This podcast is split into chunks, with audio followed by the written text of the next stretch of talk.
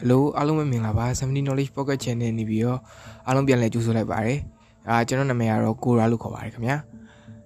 အာကျွန်တော်ဒီနေ့ပြောမယ့်အကြောင်းအရာလေးကတော့ကျွန်တော် caption မှာပေးထားတဲ့အတိုင်းပဲ the power of kaizen လို့ခေါ်တယ် kaizen principle အကြောင်း kaizen နည်းရမှာအကြောင်းကျွန်တော်ပြောပြသွားမှာဖြစ်ပါတယ်ခင်ဗျာ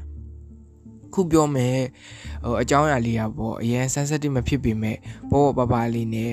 အကျိုးရှိမဲ့ pocket လေးဖြစ်တဲ့အတွက်ကြောင့်အဆုံးထိနားထောင်ပေးဖို့အတွက်မျှော်လင့်ပါတယ်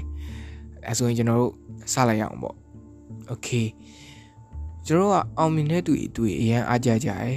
သူတို့ကကံကောင်းလိုက်တာလို့ပြောကြတယ်ဒါပေမဲ့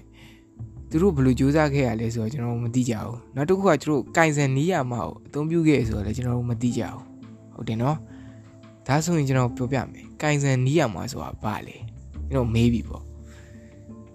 ဂျပန်နိုင်ငံမှာဆိုရင်အဆုံးမရှိသောအစဉ်ဆက်မပြတ်တိုးတက်ခြင်းကိုကင်ဆန်လို့ခေါ်တယ် ဒီဒုတိယကမ္ဘာစစ်မှာဟိုဆစ်ရှုံးတဲ့နိုင်ငံဖြစ်တဲ့ဒီဂျပန်နိုင်ငံကဒီကိုင်ဆန်နီးရမှာပေါ့ကိုင်ဆန်စိတ်ဓာတ်ကိုကျင့်သုံးရင်းနဲ့ကမ္ဘာထိပ်သီးနိုင်ငံအဖြစ်အဲ့လိုမျိုးတိုးတက်လာခဲ့တယ်ပေါ့များလှလိမ့်မြန်မြန်တိုးတက်လာခဲ့ဥပမာခုဆိုရင် technology ဘိုင်းမှာပဲကြီးကြီးဒီ business ဘိုင်းမှာပဲကြီးကြီးနယ်ပယ်အသီးသီးမှာဂျပန်နိုင်ငံကမ္ဘာ standard မိတဲ့နိုင်ငံတစ်နိုင်ငံတခုအဖြစ်ရှိနေရပေါ့ဗျာအဲ့ကိုင်ဆန်နီးကိုခုနောက်ပိုင်းနေမှာဆိုရင်နောက်တိုင်းနိုင်ငံတွေကပါကျင့်သုံးလာကြရတယ် ဒီဘက်ခေတ်မှာဆိုလဲအာကစားစီးပွားရေးနဲ့ဟိုအမှုပညာဘက်တွေမှာဆိုရင်ကျွန်တော်တို့ဒီကိုင်ဆန်ကိုအောင်မြင်ဆောင်မှုအဖြစ်တောင်အသုံးပြုကြရပေါ့ဗျာဒါဆိုရင်ဟိုစင်စက်မပြတ်တိုးတက်ခြင်းလို့ခေါ်ရဒီကိုင်ဆန်နီးရမှာကိုကျွန်တော်တို့နည်းလေးလေ့လာကြည့်လိုက်ရအောင်ပေါ့အော်ဒီဘက်ခေတ်တွေကြတော့ဗျာကျွန်တော်တို့နီးပညာအသစ်ဆန်းတွေဒီကုန်ထုတ်လုပ်မှုအသစ်ဆန်းတွေကကျွန်တော်တို့အချိန်နဲ့အမျှအဲ့လိုမျိုးခေတ်ရည်စည်းကြောင်းလိုက်ပေါ့ဗျာခေတ်ရည်စည်းကြီးကြောင်းလိုက်အချိန်နဲ့အမျှအဲ့လိုမျိုး ပေါ်ပေါက်နေပေါ့ဗျာစကလုံးတစ်ဆန်းနေပြီးတော့ရင် pop in တစ်ဆန်းနေအဲလိုမျိုးအများအများကြီးပေါ့ဗျာပြီးတော့လူတွေရဲ့ကျမ်းမာရေးပြီးတော့ရင် philosophy လို့ခေါ်ရစိတ်ပညာ psychology ပေါ့ဗျာ psychology လို့ခေါ်ရစိတ်ပညာနဲ့ဒီဟို thought system တွေပေါ့အတွေးခေါ်ပုံတွေကလည်းတစ်တစ်တွေကိုလိုချင်ကြတယ်တစ်တစ်တွေကိုရှောက်ပေးချင်ကြတယ်တစ်တွေကိုလိုချင်လူတွေကချစ်မြတ်နိုးကြတယ်ပေါ့ဗျာပြောချင်တာကဘာကြီးကအချိန်နဲ့အမျှ တိုးတက်ပြောင်းလဲပြီးတော့အချိန်နဲ့အမျှဘယ်လိုခေါ်မလဲကျွန်တော်စီးစင်းနေရဲ့ဒီအချိန်နဲ့မျှအဲ့လိုမျိုးတိုးတက်နေရဲ့ state ဟို statement တခုပေါ့ဗျာဟိုဟိုကျွန်တော်တို့အမြဲတိုးတက်နေတဲ့ကဘာမီမှာကျွန်တော်တို့အသက်ရှင်ရပ်တည်နိုင်ဖို့ဆိုရင်အမြဲတမ်းကြိုးစားနေရရတယ်ဟုတ်တယ်နော်ဥပမာအနေနဲ့ပြောရမယ်ဆိုကျွန်တော် ဟိုအသက်ရှင်မှုအတွက်ဆိုရင်သမင်းစားတောက်ရတယ်အဲ့သမင်းစားဖို့အတွက်ဆိုရင်အလုပ်လုပ်ရတယ်ဘာညာပေါ့ဗျာအဲ့လိုမျိုးအသက်ရှင်ရပ်တည်နိုင်မှုအတွက်ကျွန်တော်တို့ကကြိုးစားပြီးတော့နေကြရတယ်ဒါပေမဲ့အသက်ရှင်ရက်တည်ယုံနဲ့ဘဝနဲ့ပေါ့အသက်ရှင်ရက်တည်ယုံဘဝနဲ့မကျင်တဲ့ပဲနဲ့အောင်မြင်တဲ့ဘဝကိုလိုချင်တယ်စင်စက်မပြည့်အဲ့လိုမျိုးတိုးတက်တဲ့ဘဝကိုလိုချင်နေဆိုရင်ကျွန်တော်ကိုင်ဆန်နီးရမှာကိုသုံးဖို့လိုအပ်တယ်ဒါကြတော့အောင်မြင်နီးလန့်တစ်ခုပေါ့ဗျာကိုင်ဆန်နီးရမှာဒါဆိုရင်ကျွန်တော်တို့ကိုင်ဆန်နီးရမှာကိုဘယ်လိုသုံးမလဲ အဲ့ဒီမှာကျွန်တော်ပြောချင်တာကိုင်ဆန်နီးရမှာကိုင်ဆန်နီးရကြတော့တခြားအောင်မြင်နီးနဲ့မတူသူကအရန်လွယ်တယ်ပြီးတော့လုံးရလေလွယ်တယ်အဲ့ဘယ်လိုမျိုးလဲဆိုတော့အစုံမရှိစင်စက်မပြတ်တိုးတက်ခြင်းဆိုတာချက်ချင်းပေါ့ဗျာကျွန်တော်တို့ဝုံတိုင်းကြီးအောင်ပြီးတော့အောင်မြင်သွားတာမျိုးမဟုတ်ဘူးသူကဘယ်လိုလဲဆိုတော့ကိုလုံးနေအလုပ်ကိုတဖြည်းဖြည်းချင်းတိုးတက်အောင်လုပ်တာပေါ့ဥပမာကိုကဂီတာတီးလေ့ကျင့်နေဆိုရင်တနေ့တည်းနဲ့ကော့တွေအများကြီးကို ဟိုအလွတ်ကျက်တဲ့ပုံစံမျိုးမဟုတ်ဘဲနဲ့သူကတနေ့ကိုကော့တစ်ခုဆိုတစ်ခုသို့မဟုတ်လက်ခက်တစ်ခုဆိုတစ်ခုလောက်ပဲဖြည်းဖြည်းပဲသွားပြတယ်မလားအဲ့လိုမျိုးတဖြည်းဖြည်းနဲ့နည်းနည်းစီတိုးဝအောင်လုပ်တဲ့ဒီအောင်မြင်နည်းစနစ်လို့လည်းပြောလို့ရတယ်ဒီကိုင်ဆန်နီးရမှာကိုကျွန်တော်ဥပမာပေးခြင်းနဲ့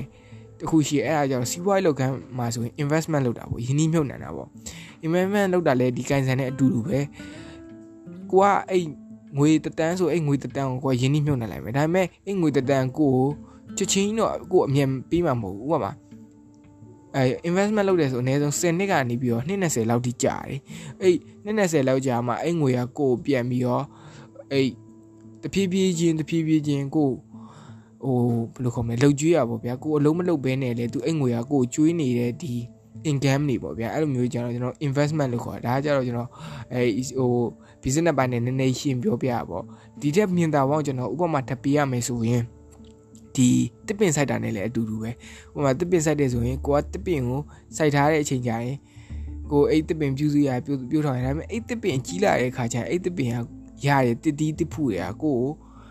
ကြိုးပြူစေတယ်ပတ်ဝန်းကျင်လည်းကြိုးပြူစေပြီးအိတ်တစ်ပြန်ရအရေးတရားလည်းကိုယ့်ကိုကြိုးပြူစေအဲ့လိုမျိုးပဲကာယံစံနီးရမှာလေကျွန်တော်တို့တဖြည်းဖြည်းချင်းတဖြည်းဖြည်းချင်းနဲ့ကျွန်တော်တို့အကျိုးပြုသွားမယ်နီးရမှာဖြစ်တဲ့အတွက်ကြောင့်အာအလုံးမဲ့ဒီကာယံစံနီးရမှာကိုနည်းနည်းလေးသဘောပေါက်သွားပြီလို့ထင်တယ်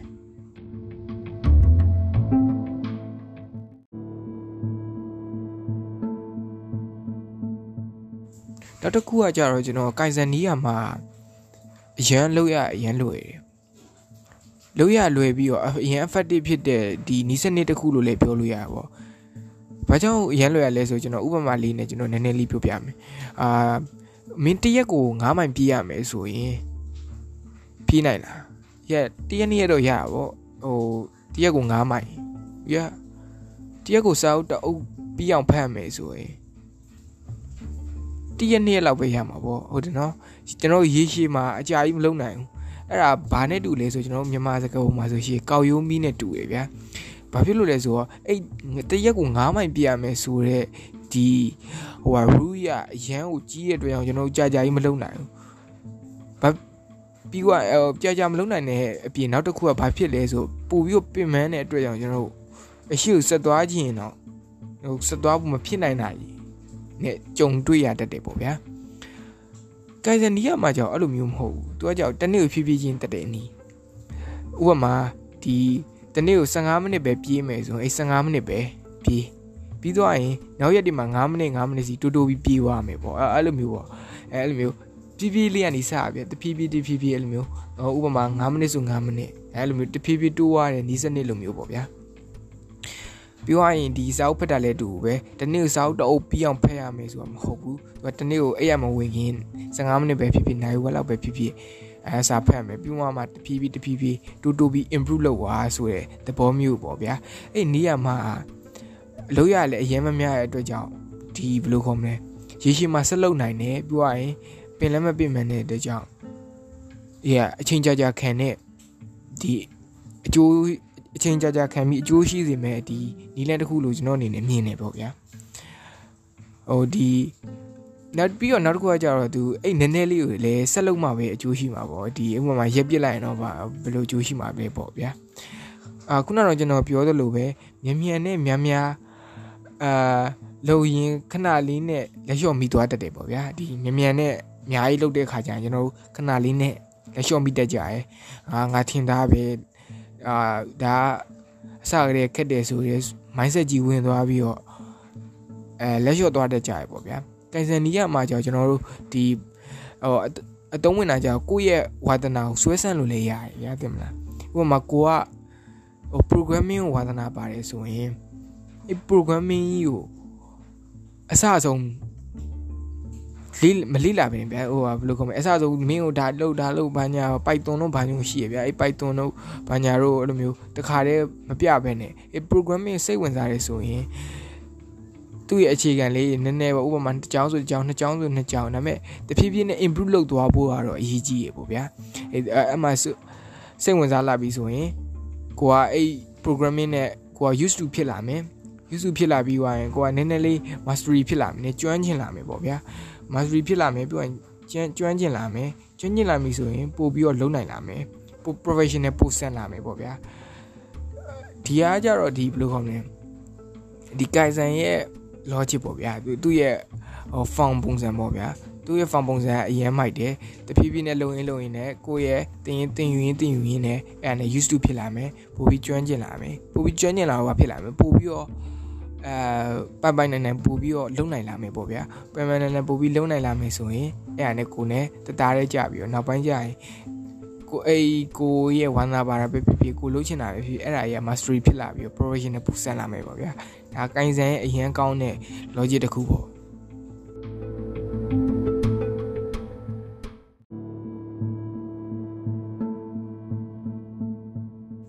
အော်နောက်တစ်ခုကျွန်တော်ကိုင်းစန်နီးရမှာနဲ့ပတ်သက်ပြီးတော့နောက်ထပ်ပြောပြခြင်းတဲ့အကြောင်းအရာလေးနောက်တစ်ခုရှိရဲအဲ့ဒါကြတော့ဒီဟို size ကဒီ Jeff Olson ရဲ့စာအုပ်ဖြစ်တဲ့ဒီ slide eagle ဆိုတဲ့စာအုပ်မှာဖော်ပြထားနီးပေါ့ဗျာဟို a little bit more or a little bit less ဆိုတဲ့ဒီနည်းနည်းစီပိုးလုပ်ခြင်းနဲ့ဒီနည်းနည်းစီရှော့လုပ်ခြင်းတို့ရဲ့ဒီအစွမ်းကြောင်းဖော်ပြထားတဲ့စာအုပ်ပေါ့အဲ့ဒါနဲ့ကျွန်တော်ဒီနည်းနည်းလေးရှင်းပြမယ်ဆိုရင်ကျွန်တော်တို့ဟို နည်းနည်းစီပို့လို့ချင်းဆိုတာကြတော့ကျွန်တော်ဟို diet ပုံမှန်ထိုးမယ်ဆိုရင်တနေ့ကို10ချိန်ပို့ထိုးလိုက်တာပဲဖြစ်ဖြစ် meditation လုပ်မယ်ဆိုရင်တနေ့ကို7 minute ပို့ပြီးတော့ meditation ပို့လုပ်လိုက်တာပဲဖြစ်ဖြစ်အဲ့ဒါကိုကြတော့ကျွန်တော်တဖြည်းဖြည်းချင်းဟိုပါထိုးနေကြပေါ့ကိုယ့်ရဲ့ဟိုဒီ normal route ထက်နည်းနည်းလေးပို့ပြီးတော့လုပ်လိုက်တာကိုကျွန်တော်တို့ကကြတော့ဒီ a little bit more ပေါ့နော်နည်းပိုနည်းစီပို့လုပ်ချင်းလို့ခေါ်တယ် ပေါ့နောက်တစ်ခုကကြောင့်နည်းနည်းစီ short လုပ်တယ်ဆိုတာဘာလဲပေါ့နည်းစီ short လုပ်တာဥပမာကြတော့ကိုယ့်ရဲ့ bad habit တွေဖြစ်တယ်တနေ့ကို TV ကြည့်နေကြအချိန်တည်းတနားရီလောက် short ကြည့်လိုက်တာတို့အဲ့လိုမျိုးကိုတနေ့ကို game တနားရီဆော့မယ်ဆိုရင်အဲ game ဆော့နေကြအချိန်တည်း game တနားရီ short ဆော့လိုက်တာတို့ကိုယ့်ရဲ့ screen time ပေါ့နော်ဖုန်းပုတ်တဲ့အချိန်တွေကိုဟိုတနိုင်လောက် detox လုပ်လိုက်တာတော့အဲလိုမျိုးကိုယ့်ရဲ့ bad habit တွေနည်းနည်းစီပေါ့နော်ကိုနိုင်တဲ့လောက်ပဲ နည်းနည်းစီ short ချလိုက်မယ်ဆိုရင်အဲဒီအဲ့ဒါကိုနည်းနည်းစီ short ချခြင်းကျွန်တော်တို့ဘယ်လိုခေါ်လဲဆိုတော့ a little bit less လို့ခေါ်တယ်ခုနကတော့ကျွန်တော်ပြောခဲ့ရဲ့အာ go habit တွေကိုနည်းနည်းစီပို့လုပ်မယ်ဒီ bad habit တွေကိုနည်းနည်းစီ short လုပ်မယ်ဆိုရင်အချိန်ကြာလာတဲ့ခါကြာရင်ဒီမိတ်ဆွေရဲ့ခုနားထောင်နေတဲ့မိတ်ဆွေရဲ့ဘဝအရန်တိတိတသားကြီးပြောင်းလဲသွားမှာပေါ့နော်အဲ့လိုမျိုးပဲဗျာဒီကျွန်တော်တို့ဒီ motivation speaker တို့ဒီ podcaster တွေက အပြောသူကလည်းပြောကြမယ်မင်းတို့ motivation speaker podcaster တွေကဘာကြီးပြောင်းလဲသွားမယ်တို့တက်တက်မဲ့လိုက်ပြီးဂျင်းထဲ့နေတာမင်းတို့ပြောတာပြောဝေးရှိတာပေါ့ဗျာအဲအဲ့လိုမျိုးပြောကြလိမ့်မယ်ဒါပေမဲ့ကျွန်တော်အဲ့ဒါကိုကျွန်တော်တက်တည်ပြမှုအတွက်ကျွန်တော်မှဟိုတက်တည်အချက်လက်တွေစုဆောင်းထားပါတယ်ခုနကတော့ကျွန်တော်ပြောခဲ့နည်းနည်းစီ short လုပ်မယ်နည်းနည်းစီတိုးလုပ်မယ်ဆိုတာကိုကျွန်တော်အဲ့အနေပြီးရတဲ့ benefit တွေကျွန်တော်ဟိုဟာအချက်လက်လေးနဲ့တက်တည်ပြမယ်ပေါ့နော် ဥပမာဒီနေ့လက်စားစားပြီးတိုင်းအချိုရည်တစ်ခွက်တောက်နေကြဒုတိယပေါ့ဗျာဟိုထမင်းစားပြီးတိုင်းအချိုရည်တောက်နေကြလူတယောက်ကဒီအချိုရည်တောက်မဲ့အစားသူကရေပြောင်းတောက်လိုက်တယ်ဆိုပါစို့အပေါ်အန်ကြည့်ရင်တော့ဘာမှမဟုတ်ဘူးဒါပေမဲ့နှစ်တည်ကြတဲ့ခါကျရင်ဘာဖြစ်သွားမလဲဆိုတော့ရေဂါလန်40ဆာလောက်သူကတစ်နှစ်ကြာပေါ့ဗျာတစ်နှစ်ကြာတဲ့ခါကျရင်ရေဂါလန်40ဆာလောက်သူကတောက်ပြီးသားဖြစ်သွားမယ် နောက်တစ်ခုကကြတော့အချိုရည်တစ်နှစ်တောက်လို့ရမယ်ကယ်လိုရီ9000လောက်ကိုသူကမရတော့ဘူးဟုတ်တယ်နော်ဟောအဲ့နေရာမှာကျွန်တော်ပြောချင်တာတခုရှိအဲ့ဒါကြတော့ကျွန်တော်တို့ခန္ဓာကိုယ်ကကြတော့ဒီခွန်အားအတွက်ကယ်လိုရီကလိုအပ်တယ်ပေါ့ဗျာအော်ကျွန်တော်ခန္ဓာကိုယ်အလုပ်လုပ်ဖို့အတွက်ခွန်အားတွေကျွန်တော်ကယ်လိုရီကတော့လိုအပ်တယ်ဒါပေမဲ့ကယ်လိုရီထက်ဟိုလိုအပ်တဲ့ကယ်လိုရီထက်များသွားတဲ့အခါကျရင်ကျွန်တော်တို့ခန္ဓာကိုယ်မှာဘယ်လိုသွားဖြစ်လဲဆိုအစီရည်နဲ့သွားစုတယ် ဟုတ်တယ်နော်ကျွန်တော်တို့ခန္ဓာကိုယ်မှာဒီ portion နဲ့ calorie တွေကိုအစီအဖြစ်ပြောင်းပြီးတော့လူကိုဝါစီပေါ့ဗျာအဲကျွန်တော်နည်းနည်းဖြည့်ဆွဲပြီးပြောချင်တာပေါ့အဲကျွန်တော်ဆက်ပြောရမယ်ဆိုရင်တနေ့စားတဲ့အစာမှာ calorie ကဘလောက်ဘလောက်ပဲလိုအပ်လဲဆိုရင်2200ပဲလိုအပ်တယ်ဒါဆိုရင် calorie 9000လျှော့ချဖို့ဆိုရင်ကျွန်တော်တို့22ရက်လောက်ကိုအစာလုံးဝမစားဘဲနေရလိမ့်မယ်ဟုတ်တယ်နော်အာဟို benefit ဟိုပါပေါ့ စိုးကျိုးတွေပေါ့ဗျာနောက်တစ်ခုကကြတော့အချူရီဘွားရတဲ့တော့ဟို2သိန်းလောက်ကိုလည်းကျွန်တော်တို့ချွေတာစုဆောင်းမိသွားလိမ့်မယ်ပေါ့ဗျာဟိုငွေငွေ2သိန်းလောက်ကိုလည်းအချူရီဘွားလည်းရတယ်ဒါတော့ဒါတော့တမကန်ရှန်ကတီးတီးလေးပဲရှိတယ်နော်အကြီးကြီးဆိုပြောမနေနဲ့တော့ဗျာတင်မလားအဲပိစက်ကုံတန်ထဲပို့ပြီးတော့အကျိုးရှိရတခုကကျွန်တော်တို့ကလူကိုလည်းမဝစေဘူးပြီးတော့ဒီအာအချိုအကြောင်းရတဲ့ဒီစီးချိုယောဂါတို့နှလုံးယောဂါတို့ ဝင်ဖို့ chance နည်းသွားရပေါ့ဗျာအဲ့လိုမျိုးဘယ်လိုကောမလဲဝင်နိုင်ကြီးနည်းသွားတယ်ဟိုရင်အာ TV ကြီးကလည်းအလားတူပဲဟိုတဟိုဟိုတနေ့ကိုတနာကြီးရှော့ကြည့်ရှော့ကြည့်မယ်ဆိုရင်တနှစ်ဆိုဘယ်လောက်ဖြစ်သွားပြီလဲ365နာရီလောက်ဖြစ်သွားပြီဟို365နာရီဆိုကျွန်တော်2လလောက်ပေါ့နော်2လလောက်နဲ့ညီမျှရတယ်ဟို ရတဲ့အချိန်นี้အချိန်ပိုပိုအများကြီးထွက်လာလိမ့်မယ်တနည်းအားဖြင့်ဆိုရင်အကျိုးရှိတဲ့အရာတွေကိုကျိုးအဲ့နှတွေမှာအကျိုးရှိတဲ့အရာတွေအများကြီးလုပ်လို့ရတယ်ပေါ့ဗျာတို့ဒီအကျိုးရှိတဲ့အရာတွေကိုဥပမာဒီအဲ့လိုမျိုးပဲကျွန်တော်တို့ screen time short ပြီးတော့တုံးလိုက်မယ်ဆိုလည်းတခြားအချိန်ပိုလေးရလာမယ်အချိန်ပိုလေးအများကြီးထွက်လာလိမ့်မယ်ရတဲ့ရတဲ့အချိန်မှာကျွန်တော်တို့စာရေးတာပဲဖြစ်ဖြစ်ဒီဥပမာစာဖတ်တာ instrument တွေတခုလေ့ကျင့်တာနော်အချိန်ပိုအများကြီးထွက်လာရင်အဲ့ခါကျရင်ဟို screen time short တာတို့ TV ကြည့် short တာတို့ဥပမာဗျဟိုကိုယ့်ရဲ့ wave ဖြစ်နေတဲ့အချိန်ကို short လိုက်တဲ့အချိန်ကျရင်လုံးစရာကြီးအများကြီးပဲဟိုစာအုပ်ဖတ်တာပဲဖြစ် instrument တခုပဲအဲဒီမှာ guitar ပဲဖြစ်ဖြစ် piano ပဲဖြစ်ဖြစ်အဲ့လိုဒီလေ့ကျင့်တာတို့ဥပမာအားစားလေ့ကျင့်တာတို့နော်အများကြီးလုပ်လို့ရတယ်ဗျဟဘာသာစကားတစ်တခုကိုစာပြီးလေ့ကျင့်တာတို့ ပြီးတော့ရင်တင်တဲ့တစ်ခုတက်တာတို့ဒီစိတ်ကို peace ဖြစ်သွားအောင် meditation လုပ်တာတို့ဟိုဒီ family နဲ့အချိန်ပေးတာပေါ့ဗျာ family time ပေးပြီးတော့သုံးချမယ်ဆိုရင်ဟုတ်ဘွားကြီးကအများကြီး improve ဖြစ်လာလိမ့်မယ်အဲဒီကျွန်တော်တို့ဘွားကြီးကအဲ့လိုတဆင့်ချိုပြောင်းလဲလာလိမ့်မယ်ပေါ့ဗျာတင်မလားအချိန်ပိုတွေအများကြီးပိုထွက်လာလိမ့်မယ်ပေါ့အာကျွန်တော်နောက်ဆုံးဒီ pocket မှာဒီ pocket လေးမှာကျွန်တော်အနှစ်ချုပ်ပြောချင်တာအော်ဒီ topic မှာပေါ့ဗျာ topic မှာဒီအနှစ်ချုပ်ပြောချင်တာကကြတော့အ little bit more or a little bit less ဆိုတဲ့ဒီနည်းနည်းစီတိုးလို့ခြင်းနဲ့နည်းနည်းစီ short လို့ခြင်းတို့ကကြတော့ကျွန်တော်အချိန်တူတူပဲလုပ်ရင်ကြတော့အကျိုးမရနိုင်ဘူးပါဗျာဟိုနှစ်ရှည်နှစ်ရှည်လာများလုံးမှသူကအကျိုးရနိုင်ဖြစ်တဲ့ဒီနေ့မှာကျွန်တော်တတိပေးလိုက်ပါတယ်ဟိုဒါကိုကြတော့ကျွန်တော်ဘယ်လိုခေါ်မလဲအာအချိန်ကြာကြာလုပ်ပေါ့ဗျာတင်မလားအချိန်ကြာကြာလုပ်နှစ်ရှည်နှစ်ရှည်လာများလုပ်မယ်အေး a little bit less or a little bit more ကကြတော့ကျွန်တော်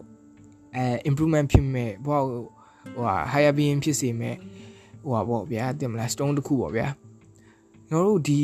နေ့ပြောခဲ့တဲ့ pocket လေးအားလုံးကျွန်တော်ဟို overall ပေါ့နော် overall ကျွန်တော်အားလုံးကိုပြန်ပြီးတော့ခြုံငုံပြီးတော့ highlight လုပ်ရမယ်ဆိုရင်နော် kaizen လို့ခေါ်တဲ့ဂျပန်လူမျိုးတွေတုံးတဲ့ဟိုစင်စက်မပြည့်တိုးတက်ခြင်းကကျွန်တော်တနေ့ကို နိုင်တဲ့လောက်ပေါ့နော်နည်းနည်းကစလို့ရင်လည်းတဖြည်းဖြည်းတိုးတက်အောင်လုပ်နိုင်တယ်ဒီစနေဖြစ်တယ်ပြီးတော့ရင်ကိုယ့်ရဲ့ bad habit တွေကိုနည်းနည်းစီ short လုပ်ရင် short လုပ်ရင်လည်းဟိုအရင်ကထက်ကောင်းတဲ့ဒီ improve ဖြစ်တဲ့ကျွန်တော်ဘဝကိုရနိုင်တဲ့နီးစနစ်ဖြစ်တဲ့အတွက်ကြောင့်ဟိုဖြစ်ကြအောင်ပေါ့နော်ကျွန်တော်ဒီနေရာနီ highlight လုပ်ပေးခြင်းတယ်ဟိုကိုယ့်ရဲ့ bad habit တွေကို short လုပ်မယ်ကိုယ့်ရဲ့မကောင်းတဲ့ကျင့်တွေကို short အာအဲတဖြည်းဖြည်း short ရမယ်ကောင်းတဲ့ကျင့်တွေကိုဖြည်းဖြည်းချင်းတူရမယ်ပေါ့ဗျာတင်မလားအဲဂျားနှစ်ခုမှာကျွန်တော်တို့ balance လုပ်နိုင်ပြီဆိုရင်ကျွန်တော်တို့လိုချင်တဲ့ဘဝကျွန်တော်တို့ရဲ့ဟိုစိတ်ကူးတဲ့ higher being တရားပေါ့ဗျာကျွန်တော်မလားဟိုဟာအနာဂတ်ရဲ့ကိုပေါ့ဗျာအဲ့လိုမျိုးဖြစ်လာလိမ့်မယ်ဆိုပြီးတော့ကျွန်တော်ဒီညမှာ highlight လေးလုပ်ပေးကြပါတယ်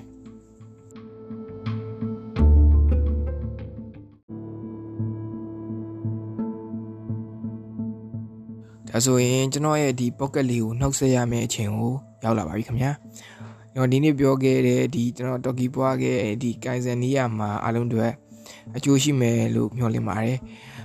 ပြီးတော့ကျွန်တော်ဒီကာလမှာကျွန်တော်ဒီမှားကျင်တာတစ်ခုကကြတော့ဒီဆဆရရအားလုံးကိုယူဆိုင်ပါပေါ့နော်ဘင်းထွင် master ပါ